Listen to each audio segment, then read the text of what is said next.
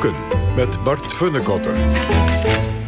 De historische boeken die u gelezen zou moeten hebben... als het aan onze recensent Bart Funnekotter ligt. Bart, welkom. Hallo.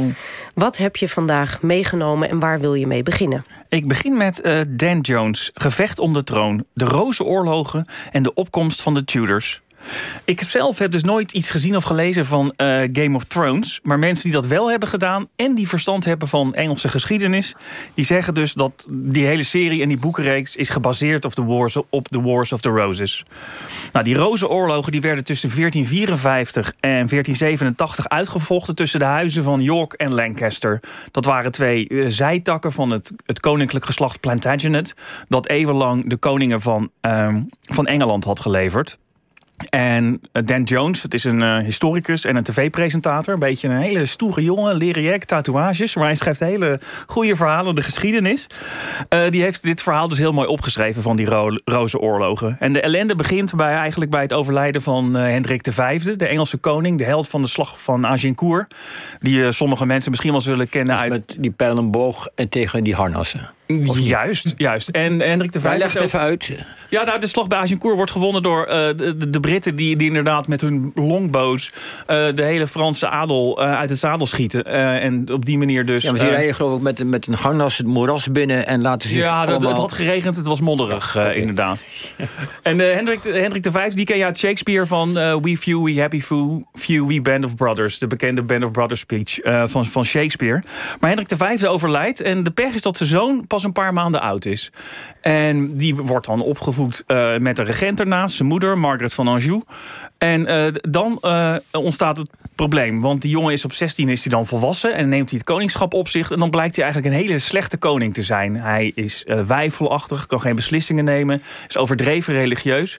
En als de stress hem te veel wordt, dan vervalt hij in een soort van katatonische depressies die maanden kunnen duren. Ja, dat is dus niet goed als je, zou ik maar zeggen, een absolute heerser bent. Dus dan zijn er andere edelen in Engeland die denken van nou, uh, dan moet ik misschien maar koning worden. En dan ontstaat er dus een opeenvolging van oorlogen en koningen. Dus want eerst heb je Hendrik VI, die uh, depressieve koning, zal ik maar zeggen. Dan krijg je Edward IV. Dan komt Hendrik VI weer terug. Dan krijg je Edward V. Maar die wordt vermoord door zijn oom, terwijl hij nog een kind is. Dat is Richard III. En die Richard III sterft uiteindelijk op Bosworth Field. Ook bekend van uh, Horse, a Horse, My Kingdom for a Horse. Uh, als hij daar dus inderdaad zijn, zijn paard verliest en vervolgens um, verslagen wordt. En dan uiteindelijk pakt Hendrik VII van het huis Tudor de troon. En dat is het begin van die hele Tudor-dynastie. Ik, ik heb nu al bijna hoofdpijn. Dat ligt niet aan jou hoor. Nee, Want je ik vertelt het echt tot de vertelt, essentie je vertelt het lekker. Maar is, dat ook een, is het ook een boek waarin je op een gegeven moment denkt... Mijn, ik ben de weg kwijt van al die koningen en al die nou, Er staat uh, voorin zo'n heel, handig, uh, zo'n heel handige stamboom... Dat je, dat je het lekker kan volgen, maar omdat Dan Jones het zegt... Uh, je weet wel, de broer van die en die... of je weet wel, de vader van die en die. Want iedereen heet natuurlijk ook Beaufort van zijn achternaam... of Neville of, of Percy. En dan om de generatie hebben ze ook dezelfde voornaam. Dus dat vereist wel geconcentreerd lezen. Maar uiteindelijk uh, is er echt een bodypile zo hoog als de Mount Everest. Iedereen van adel is dood. Iedereen met een druppeltje Plantagenet bloed vooral is dood. En daardoor is er dus ja, is eigenlijk geen oorlog meer te voeren. Want er is maar één iemand die nog koning kan zijn. Dat is het huis van Tudor. En dan krijgen we dus uh, Hendrik VIII, Elisabeth, et cetera. Dus het is eigenlijk een heerlijke, heerlijke uh, machtsverhaal. Het is een machtsverhaal. Um, machtsverhaal. Ja. En het is een vervolg op een, uh, een ander boek. Ja, hè? het is een vervolg op een ander boek van hem. Want hij heeft hiervoor heeft hij de geschiedenis van de Plantagenets uh, geschreven, inderdaad. Ja. Dus, uh, maar zoals, zoals het heet, je kan het ook alleen lezen. Je hoeft niet eerst het deel ervoor gelezen te hebben. Het volgende boek, Bart. Ja, dat is heel, iets, heel wat minder bloedig. dat is een boek van Erwin Dekker. En het heet Jan Timbergen, een econoom op zoek naar vrede. Het is de biografie van de Nederlandse econoom Jan Timbergen. De man die in 1963 de eerste Nobelprijs voor de economie won. Hij was de uitvinder zeg maar, van het vakgebied van de econometrie... en ook de oprichter hier in Nederland van het Centraal Bureau voor de Statistiek. Nou, Timberg die werd geboren in 1903 en groeide op in een heel culturele, talige familie. Maar hij zelf was anders. Hij was meer van het rekenen. En hij ging dus in Leiden natuurkunde studeren bij Paul Ehrenvest, de grote uh, Paul Ehrenvest.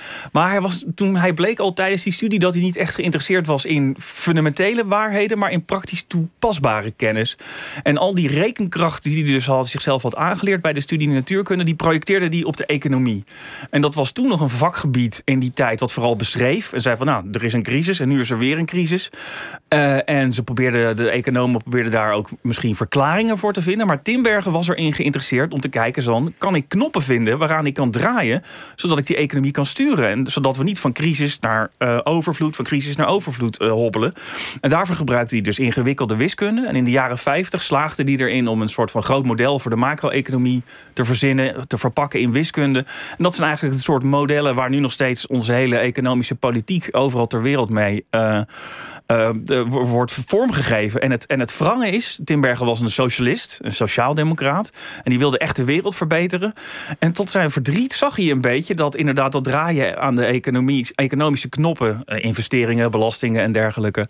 Dat zorgde inderdaad voor een toenemende welvaart binnen de arbeidersklasse. Maar leidde dat nou tot een soort van wereldvrede en een culturele verheffing? Nee, wat ging iedereen doen? Televisies kopen en twee keer op vakantie.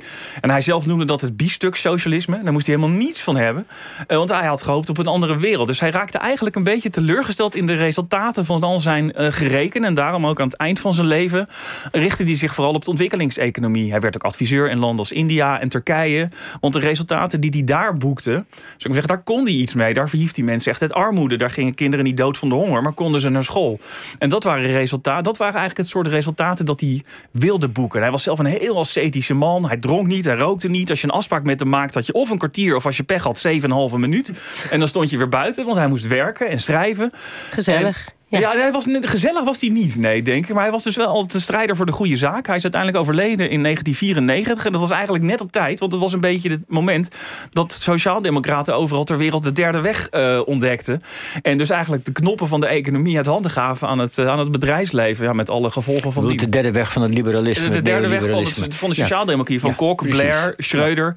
En uh, dat daar was, denk ik, Timbergen... zou er niet zo gediend van zijn geweest. Is, het doet mij een beetje denken, ook al als het een heel ander iemand, uh, Jacques de Cat, ook zo'n kritisch ja. sociaaldemocraat, die, uh, die ook de term over de arbeidersklasse de maagmens invoerde. Ja. Hè? En dat de, de sociaaldemocratie niet de huig moest laten hangen naar de maagmens. Is dat ook wat je bij hem vindt over dat biefstuk-socialisme? Ja, zeker. Maar hij was echt een, een, een echte verheffingssocialist. Uh, en hij had dus inderdaad, wat hij precies voor ogen had, dat snap ik ook niet helemaal. Maar een soort van kumbaya-wereld of zo. Maar in ieder geval waar iedereen hard werkte en voor de rest alleen maar verantwoorde dingen uh, deed. Ja, en dat werd het dus uiteindelijk niet. En uiteindelijk gaf de sociaaldemocratie dus alles uit handen aan het bedrijfsleven. Maar dus... werd hem ook wel verweten dat hij een beetje antidemocratische trek Ja, ja nou, hij was niet zo antidemocratisch. Hij wilde graag dat de experts het regelden. Hè? Dus uh, er werd ook gezegd van ja, je moet dan ook voorlichting geven over economie en econometrie, zodat iedereen het kan begrijpen.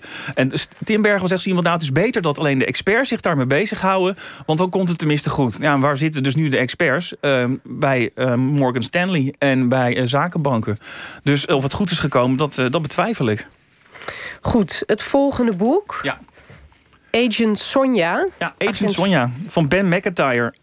Uh, uh, ondertitel: Het bloedstollende en waar gebeurde verhaal over de belangrijkste vrouwelijke, vrouwelijke spion uit de geschiedenis. Ja, we hadden gisteravond een liedje Mata Hari ja. Dat was het echt een van de dieptepunten van het Songfestival gisteravond. Ik weet niet, Jos, want ik heb niet gekeken, want ik zat te lezen oh, okay. gisteravond, uiteraard. Okay, ja, ja.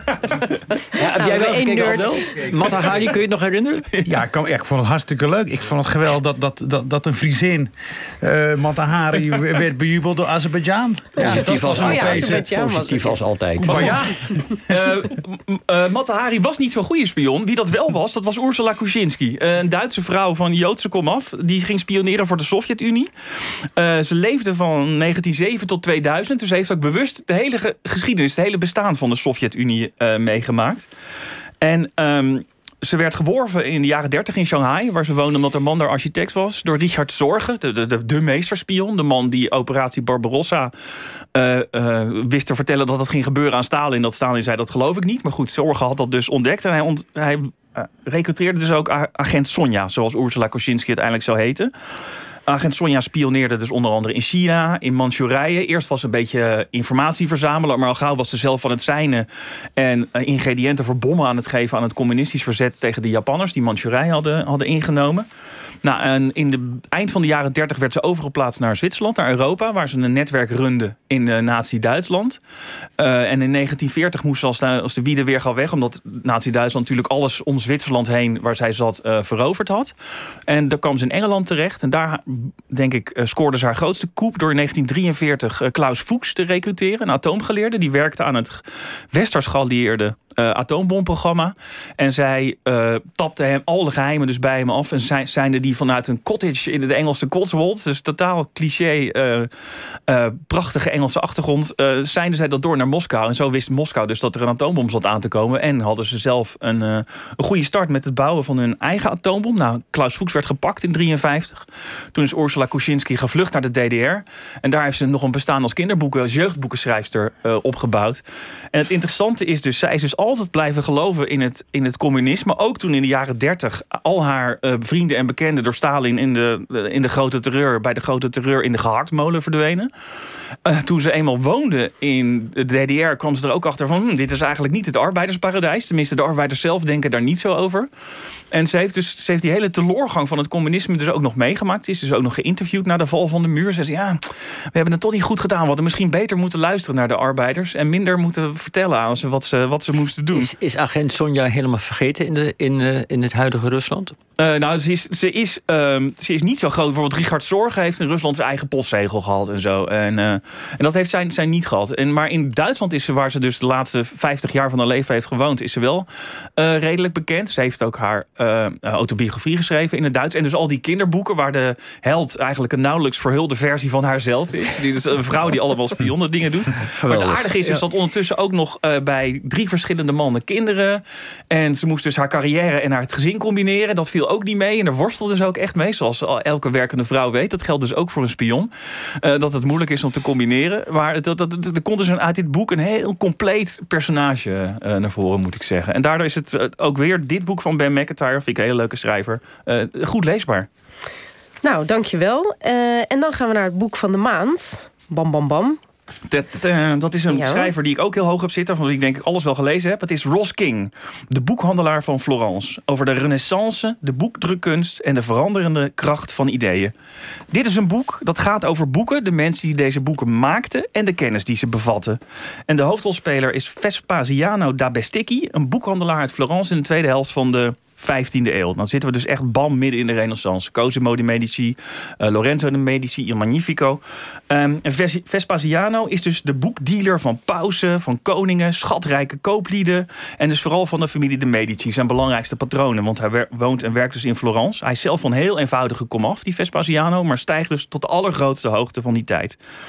Het mooie is, hij handelt in handschriften. Dus boeken die door uh, kopiisten met de hand worden afgeschreven. En die worden dan prachtig verluchtigd met, met, uh, met illustraties, met, met in de marge allemaal bloemetjes en bijtjes. En, uh, en ehm, dat is echt, echt, zijn echte kunstwerken. En Ross King beschrijft die arbeid in detail. Dus hoe je ook hoe je bladgoud maakt en weet ik het allemaal. Maar waar hij nog veel dieper op ingaat, dat is het intellectuele klimaat van die tijd. Hè? Want de, de ouden worden herontdekt. En er ontstaan dus ook slaande intellectuele ruzies. Wie is beter, Plato of Aristoteles? En nou, uiteindelijk die strijd wordt gewonnen door Plato. Ook omdat hij het beste te integreren lijkt in het, uh, in het christendom. Hij las ook wat makkelijker. Ja, ja, ja. ja, ja. Maar, maar vooral ook omdat hij het, mak het, het makkelijkst in het christendom was, was, in, te, in te kapselen. En, uh, maar uh, Vespasiano die is de broertje niet. Die levert zowel Plato als Aristoteles. En die is eigenlijk met iedereen vrienden ook in die discussie. Er is ook natuurlijk constant oorlog in Italië in de renaissance. Al die stadstaten vechten met elkaar en met de paus. Maar Vespasiano is met iedereen goed. Uh, hij moet natuurlijk zijn spulletjes verkopen. En het aardige is dus dat het gevaar niet komt van die oorlogen... of ook niet van de pest die de hele tijd door Florence trekt. Maar het grote gevaar, dat komt uit Duitsland.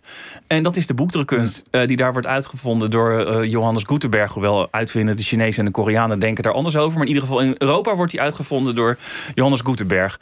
En Vespasiano die moet niks hebben van die nieuwe lichterij. Die vindt dat allemaal niks. En het vindt het er niet zo mooi uitzien. En sowieso, als je heel veel boeken drukt... dan krijgen misschien ook allemaal mensen die boeken te lezen... die er helemaal niet aan toe zijn, aan al die ideeën. Dus het is goed dat er gewoon alleen geschreven boeken worden verspreid onder de mensheid. En hij vertikt het dus om, uh, om over te schakelen naar gedrukte boeken. En er is dus een klooster in Florence, waar een ondernemende monnik dus wel een drukkerij op zet. En die concurreert dus uiteindelijk. Geweldig. Ja, die concurreert Vespasiano dus uh, uit de markt uh, uiteindelijk. En het, en het leuke is dus dat Vespasiano op een gegeven moment, ook door al die oorlogen, is hij het zat. En hè, de, de, de Mehmet II verovert in 1453 ook Constantinopel. Dat is ook allemaal uh, verschrikkelijk. Dus uh, hij trekt zich dan terug uh, in de heuvels uh, buiten Florence. Gaat daar zijn memoires schrijven. En hij schrijft dus over al die mensen met wie hij te maken heeft gehad. Al die pauzen. koning Ferrante en koning Alfons van Napels. de Medici. de Sforza's in Milaan. En hij vertelt dus hoe hij met al die mensen omgaat. En hoe hij de wijsheid in de wereld probeert te brengen. En uiteindelijk komt hij dan zuchtend en verdrietig tot de conclusie dat het misschien toch beter is om je over te geven aan contemplatie, aan, aan, aan bidden. En omdat je op die manier uh, dichter bij God komt dan dat manische najagen van kennis en verkopen van kennis, wat hij zijn hele leven heeft gedaan. Het is een prachtig boek, een lofzang, wat mij betreft wel op kennis en op boeken. En uh, ja, daarom is het, kon het ook niet anders dat dit boek het, uh, het boek van de maand zou worden. Dus die hele grote geschiedenis, die maak je mee via dat hoofdkarakter? Ja, via dat hoofdpersonage die inderdaad in zijn winkel en in de boekhandelstraat, waar hij dus een boeken verkoopt, waar iedereen binnenkomt om te roddelen over de politiek en over heb je dat gelezen. En het, zo maak je dus die renaissance hmm. mee door de ogen van die, van die Vespasiano. Een, een slimme en heel, toch ook heel sympathieke uh, kerel. Goed, nou, na dit wervende betoog... Uh, wilt u kans maken op dit boek? Like ons uh, Facebookbericht dan. Of stuur een mail naar boekvandemaand.ovt.nl. En dank je wel, Bart. Tot